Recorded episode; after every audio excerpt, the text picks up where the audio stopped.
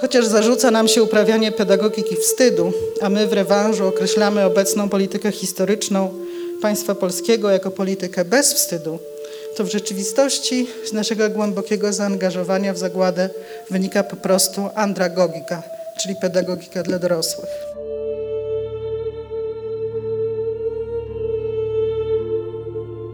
Czeski chrześcijański Czeski chrześcijański poeta i długoletni więzień komunizmu Jan Zachradniczek napisał w jednym ze swoich wierszy. Mój przyjaciel, Mój brat, ten, kto pójdzie i pomaluje świat obrzydliwą barwą nienawiści, umoczy tak samo serce nasze, jak i swoje. Podcast powszechny. Weź, słuchaj. Jak co roku Tygodnik Powszechny przyznał medale świętego Jerzego. Nagrody za zmaganie ze złem i uparte budowanie dobra w życiu społecznym. Oto tegoroczny werdykt kapituły, który w sobotę 23 listopada ogłosił redaktor naczelny tygodnika Piotr Mucharski.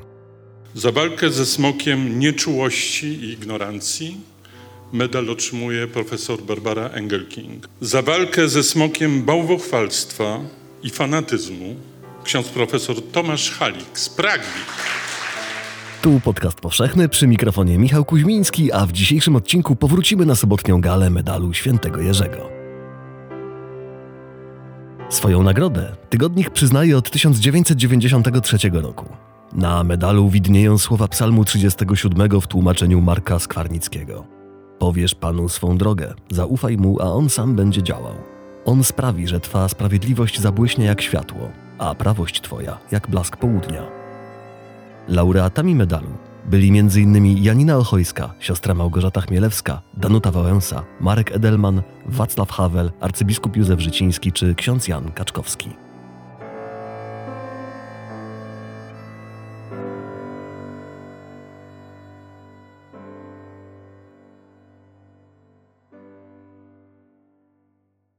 Kiedy władze uznały, że profesor Barbarę Engelking powinna na stanowisku przewodniczącej Międzynarodowej Rady Oświęcimskiej zastąpić osoba reprezentująca polską wrażliwość na te sprawy, pisaliśmy w tygodniku: Zaszło tu chyba jakieś nieporozumienie.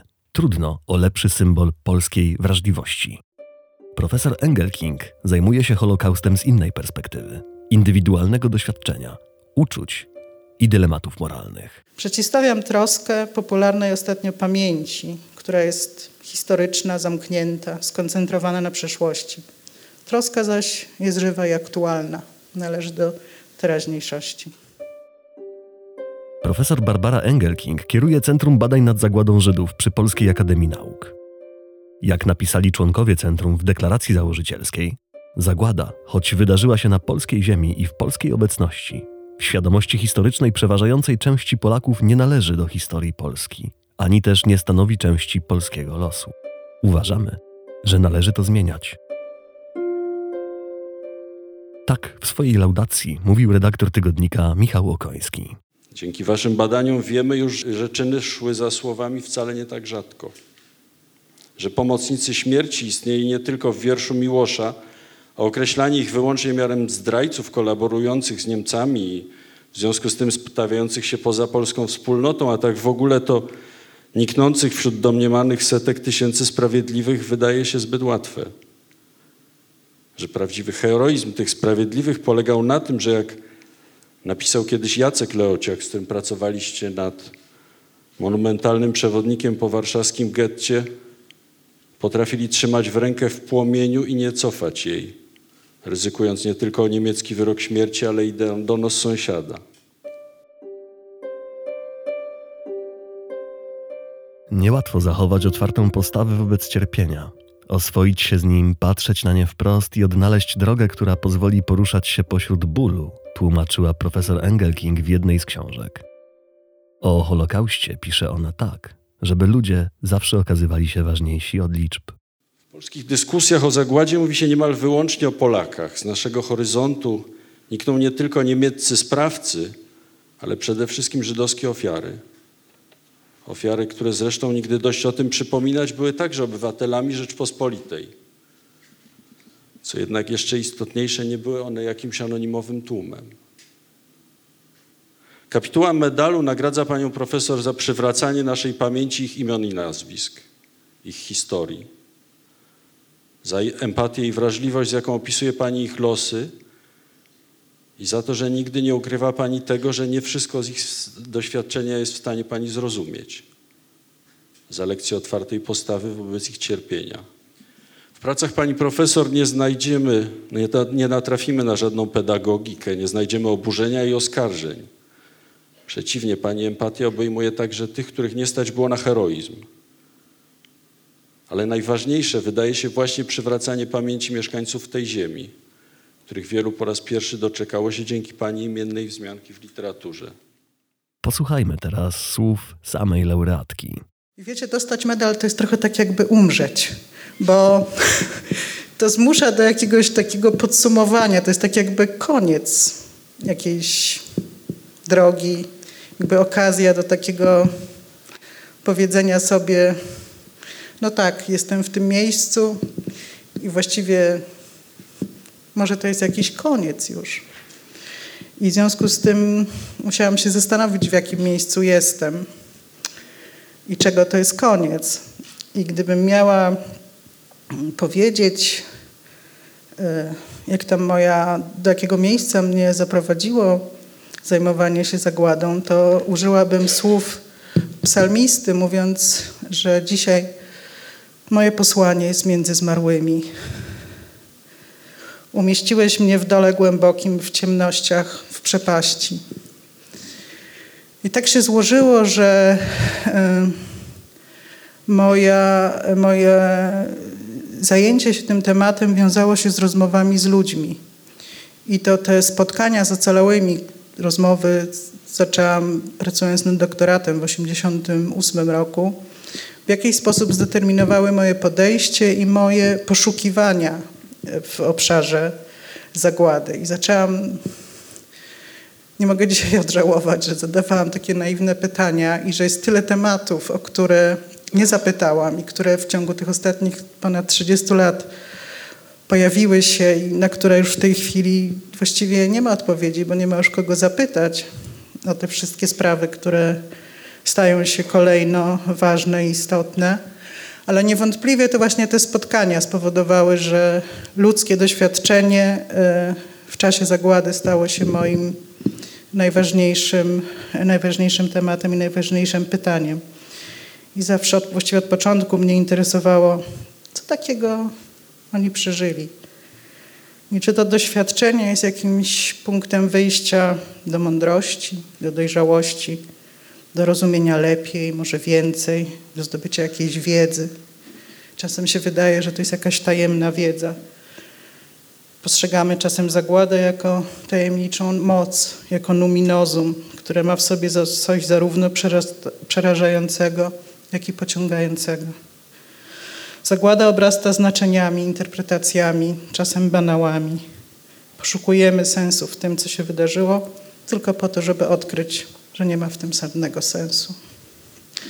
Może się wydawać, że studiowanie przez lata cudzego cierpienia skutkuje jedynie okresowym paraliżem i dreszczem, że okrucieństwo czasem staje się monotonne, a przyrost wiedzy nie zawsze oznacza kumulację rozumienia ale mam poczucie, że te wszystkie lata, chociaż poszukuję się bezproduktywnie sensu, przynoszą rozmaite korzyści. I myślałam sobie, podsumowując w obliczu tej śmierci związanej, związanej z otrzymaniem medalu, po, pomyślałam sobie o trzech takich rzeczach, które dla mnie na dzisiaj wynikają z zajmowania się doświadczeniem zagłady. Po pierwsze to, że treścią doświadczenia jest cierpienie. I nie jest to cierpienie wyrządzone przez zło naturalne, takie jak katastrofa, lecz spowodowane przez zło moralne, przez drugiego człowieka. Z miejsca, w którym podsumowuję swoją, swoją drogę, widzę dobrze to rozmaite i rozległe cierpienie. Ciche, niekrzyczące i głośne, domagające się uwagi – otępiające i pobudzające do walki indywidualne i zbiorowe. Widzę cierpienie fizyczne, psychiczne i duchowe. Cierpienie tymczasowe i wieczne. W tym samodzielnie istniejącym cierpieniu najtrudniejszy jest może do zaakceptowania fakt, że ono się okazuje całkowicie bezużyteczne. Że ten ból bezcelowy i absurdalny nie ma żadnego znaczenia. Niezależnie od tego, jak jest ogromny i jak bardzo usiłuje mu się nadać sens. Emanuel Levinas powiedział, że dysproporcja między cierpieniem a jakąkolwiek teodyceą ukazała się w Auschwitz z oślepiającą jasnością. Według niego jedynym nienadaremnym cierpieniem jest współczucie, czyli udręka wywołana przez ból innych, gdyż tylko nasza własna męka może być sensowna, tylko my możemy nadać mu jakąkolwiek treść. I zdarza się, że cierpienie staje się dla poszczególnych osób źródłem mądrości, a może nawet czymś więcej, lecz to zawsze pozostaje indywidualną tajemnicą. Jedną z najbardziej enigmatycznych zapisków na ten temat, jakie znam, to wzmianka we wspomnieniach Jakuba Litnera, który spędził wiele miesięcy ukrywając się w ciemnej piwnicy i zanotował: Mnie ta ciemność dała okazję, by bardziej zagłębić się w oceanie poznania. Wygnanie pod ziemię było dla mnie okresem płodnej kontemplacji. Po drugie, dowiedziałam się studiując zagładę, że zło jest silniejsze od dobra i że nie ma sposobu, żeby odmienić przeszłość, że zło, które się stało, jest, nie, jest nieodwracalne i zawsze wygrywa. Że braterstwo, tak opiewane jako jedna z wartości w polskiej narracji o wojnie, nie dotyczyło i nadal nie dotyczy Żydów.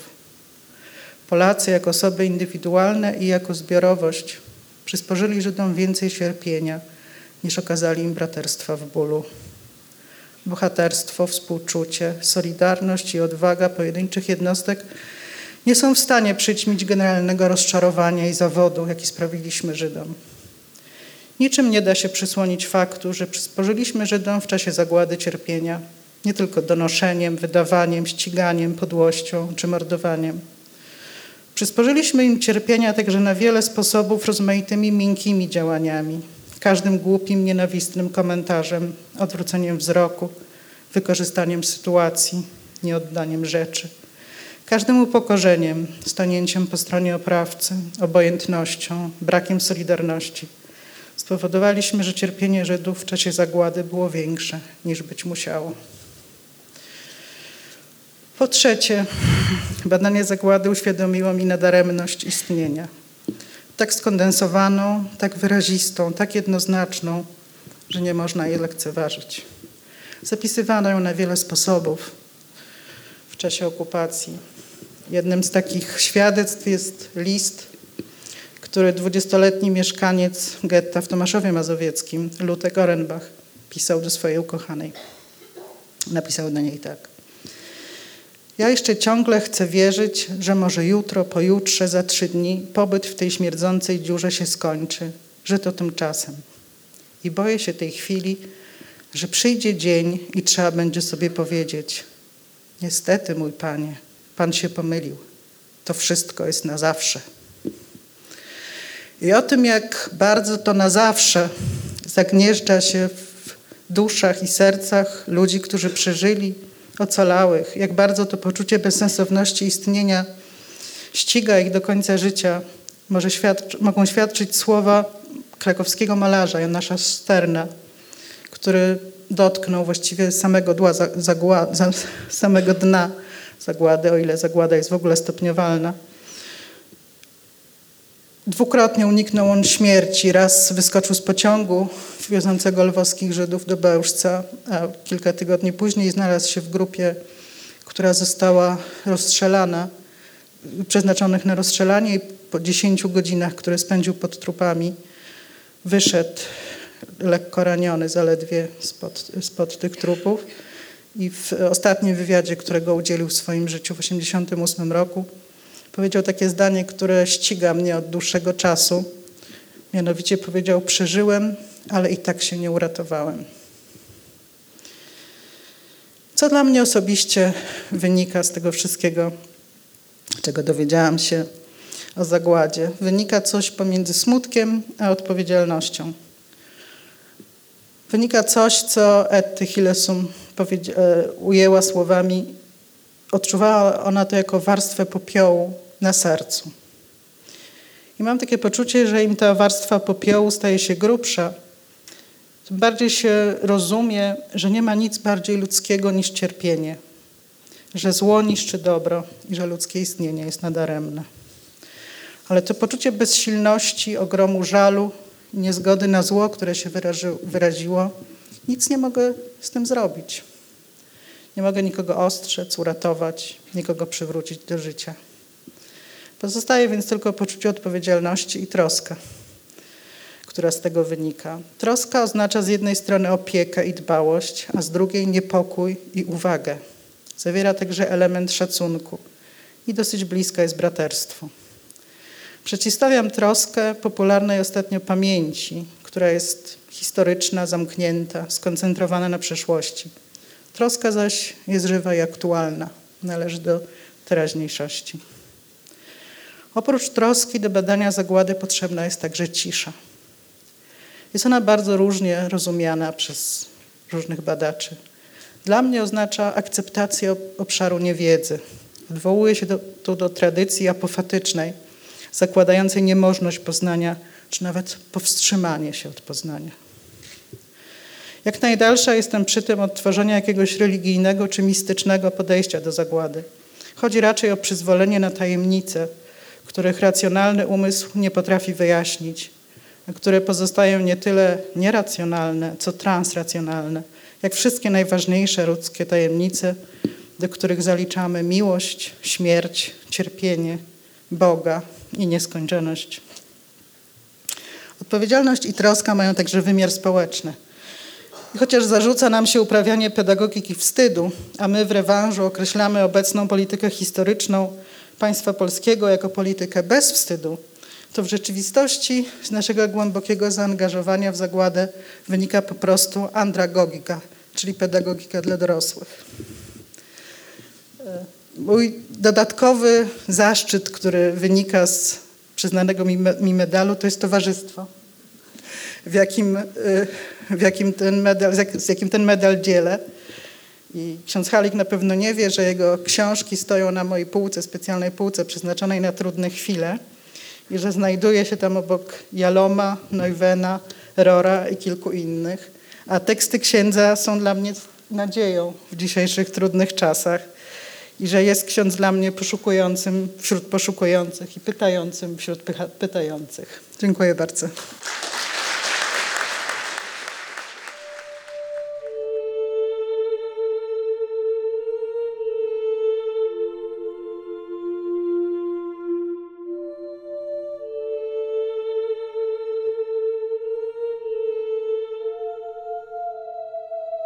Tomasz Halik katolikiem został w wieku 18 lat. I zawsze za największe zagrożenie dla Kościoła uważał brak dojrzałości. Po doktoracie komuniści zakazali mu wykładów. Pracował jako terapeuta uzależnionych.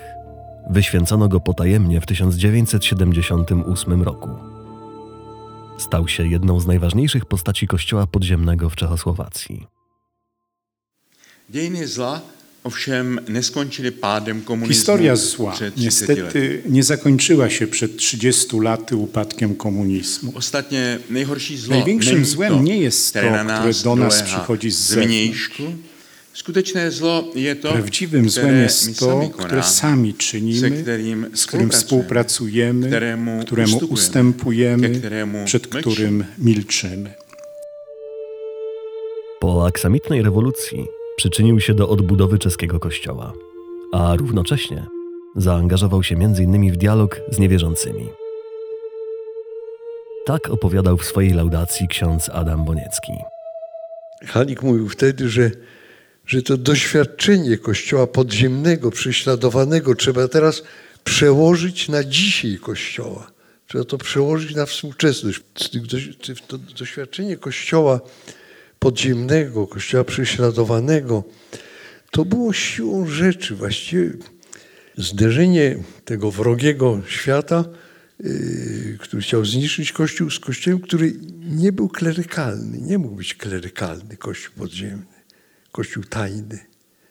Yy, to była taka kuracja wspaniała i, i myślę, że to się wiąże z tym medalem, bo jednak klerykalizm jest idolem, jest y, przenoszeniem ze Stwórcy na stworzenie czci i uwagi. Gdy wiele lat po upadku komunizmu w kościele zapanowała mentalność oblężonej twierdzy, ksiądz Halik wytykał biskupom nieuczciwą argumentację i brak duchowej roztropności. Ostrzegał, że uciekają im fundamenty rzeczywistości. W dobie niebezpiecznej infekce, czasie niebezpiecznej infekcji, choroby populizmu i nacjonalizmu, które są fałszywą odpowiedzią na strach płynący ze skomplikowanego i nieoczywistego świata dzisiejszego. Kościół ma być, znowu cytując papieża Franciszka, szpitalem polowym. Także w Polsce ksiądz Halik widzi coraz więcej katolicyzmu bez chrześcijaństwa. Ale wierzy, że przed fanatyzmem wiarę może chronić rozum, przed cynizmem zaś współczucie. Ksiądz arcybiskup Życiński w przedmowie do książki księdza Tomasza Prochalika wzywany czy niewzywany Bóg tu się zjawi, powiedział, że z niebywałą precyzją, nie do prześcignięcia, w czym jest wielkość naszego dzisiejszego laureata. Przeczytam ten fragment księdza arcybiskupa. W wykładach głoszonych przez księdza Halika na aeropagach współczesnej Europy, podobnie jak w tekstach, w, tekst, w tekstach apostoła narodów, nie widać ani łatwej moralistyki, ani lęku przed światem. Nie rozdzierają oni szat nad zepsutym światem, nie formułują kasandrycznych prognoz, zamiast wyliczać krzywdy doznawane przez chrześcijan, święty Paweł kieruje w stronę cierpiących sugestie: błogosławcie tych, którzy was prześladują, błogosławcie, a nie złorzeczcie. Ksiądz Tomasz zaś dopowiada jeszcze: budujcie wspólnotę refleksji i nawet w godzinie Eliaszowego wyczerpania ufajcie Bogu. Wzywany czy niewzywany towarzyszy on naszym krokom aby na szlaku ludzkiego utrudzenia wskazywać horyzont nadziei i sensu. Posłuchajmy laureata, który podczas gali medalu świętego Jerzego odczytał fragmenty swojego przemówienia, całość zaś przełożył i wygłosił ojciec Tomasz Dostatni. Budu mówić w języku świętego Wojciecha. Będę mówił w języku świętego Wojciecha. E, milí přátelé, e, velmi si vážím toho, że jste Jest mnie zaszczytem, że zostałem przez Was włączony do grona laureatów medalu świętego Jerzego. W ten sposób w minionych latach okazywaliście szacunek i honor wielu osobistościom. Przede wszystkim tym, którzy mężnie sprzeciwiali się złu w czasach komunistycznej dyktatury. Historia zła niestety nie zakończyła się przed 30 laty upadkiem komunizmu. Największym złem nie jest to, które do nas przychodzi z zewnątrz. Prawdziwym złem jest to, które sami czynimy, z którym współpracujemy, któremu ustępujemy, przed którym milczymy. Człowieka nieczystym nie czyni to, co do niego wchodzi z zewnątrz, ale to, co z niego wychodzi, uczył Jezus Chrystus. Chrześcijańska duchowość krzyża uczy nas takiej postawy, aby to, co przychodzi z zewnątrz, cierpienie przemienić. Dużo trudniejszym jest jednak rozpoznać i przezwyciężyć zło, które jest w nas samych. Czeski chrześcijański poeta i długoletni więzień komunizmu Jan Jan Zachradniczek napisał w jednym ze swoich wierszy. Mój przyjaciel, mój bracie, ten, kto pójdzie i pomaluje świat obrzydliwą barwą nienawiści, umoczy tak samo serce nasze, jak i swoje. Usłyszeliśmy, że w miejsce terroru komunistycznego przychodzi dyktatura homoseksualizmu, która jest zarazą naszych czasów Obawiam się, że takie twierdzenie porównuje nieporównywalne. Niebezpieczne zło, które wstępuje do uwolnionej przestrzeni po ideologii komunistycznej, to raczej populizm, nacjonalizm i ksenofobia. To jest prawdziwa, zabójcza zaraza nie tylko postkomunistycznego świata. To jest prawdziwe zagrożenie dla wolności i demokracji. To jest poważne zagrożenie dla wielkiego projektu Zjednoczonej Europy, Europy od Atlantyku aż po Ural. My, chrześcijanie, musimy w poważny sposób stawiać sobie pytanie, czy przeciwko temu smokowi złu walczymy z dostateczną odwagą i mądrością. W naszym katolickim dziedzictwie jest coś takiego, co właśnie temu niebezpieczeństwu złu dodaje pożywienia, siły i energii.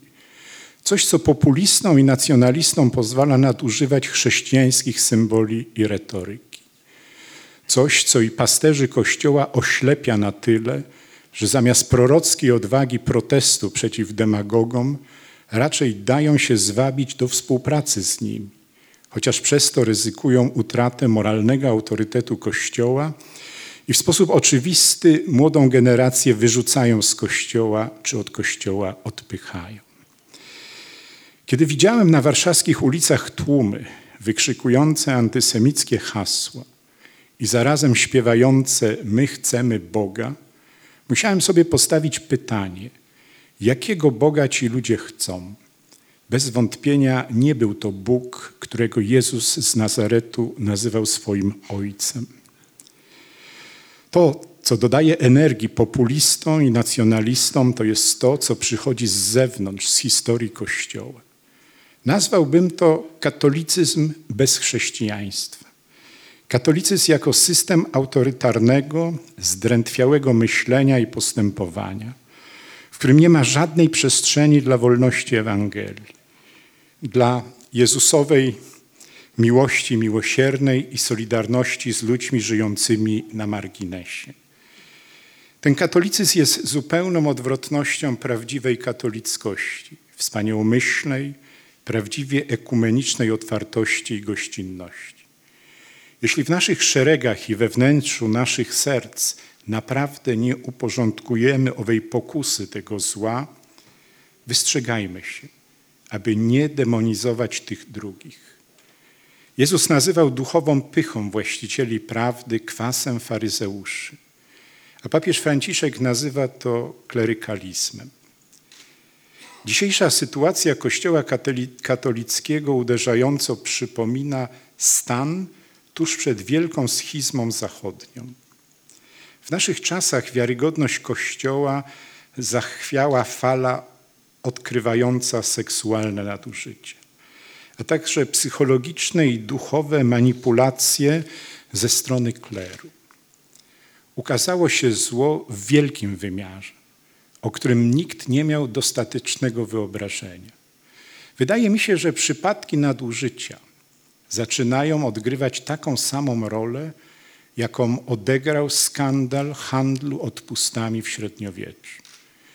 Także wtedy wielu uświadomiło sobie głębsze korzenie owego skandalu, to znaczy połączenie Kościoła ze światem władzy i bogactwa oraz oddalenie się od Chrystusowej Ewangelii. Ponieważ autorytety kościelne tamtej doby nie rozpoznały w odpowiednim czasie konieczności reformy, doszło do schizmy, która tragicznie zaszkodziła wiarygodności obu gałęzi chrześcijaństwa. Stało się to jedną z przyczyn sekularyzacji Europy. Dzisiaj Kościół dzieli się na tych, którzy wspólnie z papieżem Franciszkiem widzą klucz do rozwiązania w tym, aby starać się przekroczyć postawę klerykalizmu i na tych, którzy powagę tego starania bagatelizują. A w przypadku nadużyć seksualnych chcą widzieć tylko upadki jednostek i boją się zmian strukturalnych. Wydaje mi się, że współczesna burza przeminie, wydaje im się, że współczesna burza przeminie i powrócimy do stanu, który był przed nią. To wielka i niebezpieczna iluzja. Bezczynność i odwracanie uwagi od wewnętrznych przejawów, jak jesteśmy tego świadkami na przykład w historycznej kampanii przeciwko teorii gender, może prowadzić nie tylko do schizmy wewnątrz Kościoła, lecz także do utraty wiarygodności samego chrześcijaństwa. Ale i obóz tych, którzy nawołują do reformy, musi uświadomić sobie pewne niebezpieczeństwo, które spoczywa w pokusie oczekiwania rozwiązania tylko w reformach struktur kościelnych. Te reformy są oczywiście konieczne, lecz jak często podkreśla papież Franciszek, mogą przynieść dobre, dobre owoce tylko wtedy, kiedy będą to owoce głębokiej duchowej reformy, poważnej troski o duchowe rozezna, rozeznawanie, kontemplatywne odczytywanie znaków czasu. I kiedy będzie miało miejsce kreatywne, nowe i głębsze zrozumienie Jezusowej i Pawłowej Ewangelii wolności która staje przed nami jako wezwanie naszej doby. W czasie niebezpiecznej infekcji, choroby populizmu i nacjonalizmu, które są fałszywą odpowiedzią na strach płynący ze skomplikowanego i nieoczywistego świata dzisiejszego Kościół ma być, znowu cytując papieża Franciszka, szpitalem polowym. Dobry szpital proponuje służby diagnostyki, profilaktyki, terapii i rehabilitacji. Do, do tego wysiłku mielibyśmy wspólnie dołączyć wszystkie charyzmaty, które dał nam Pan.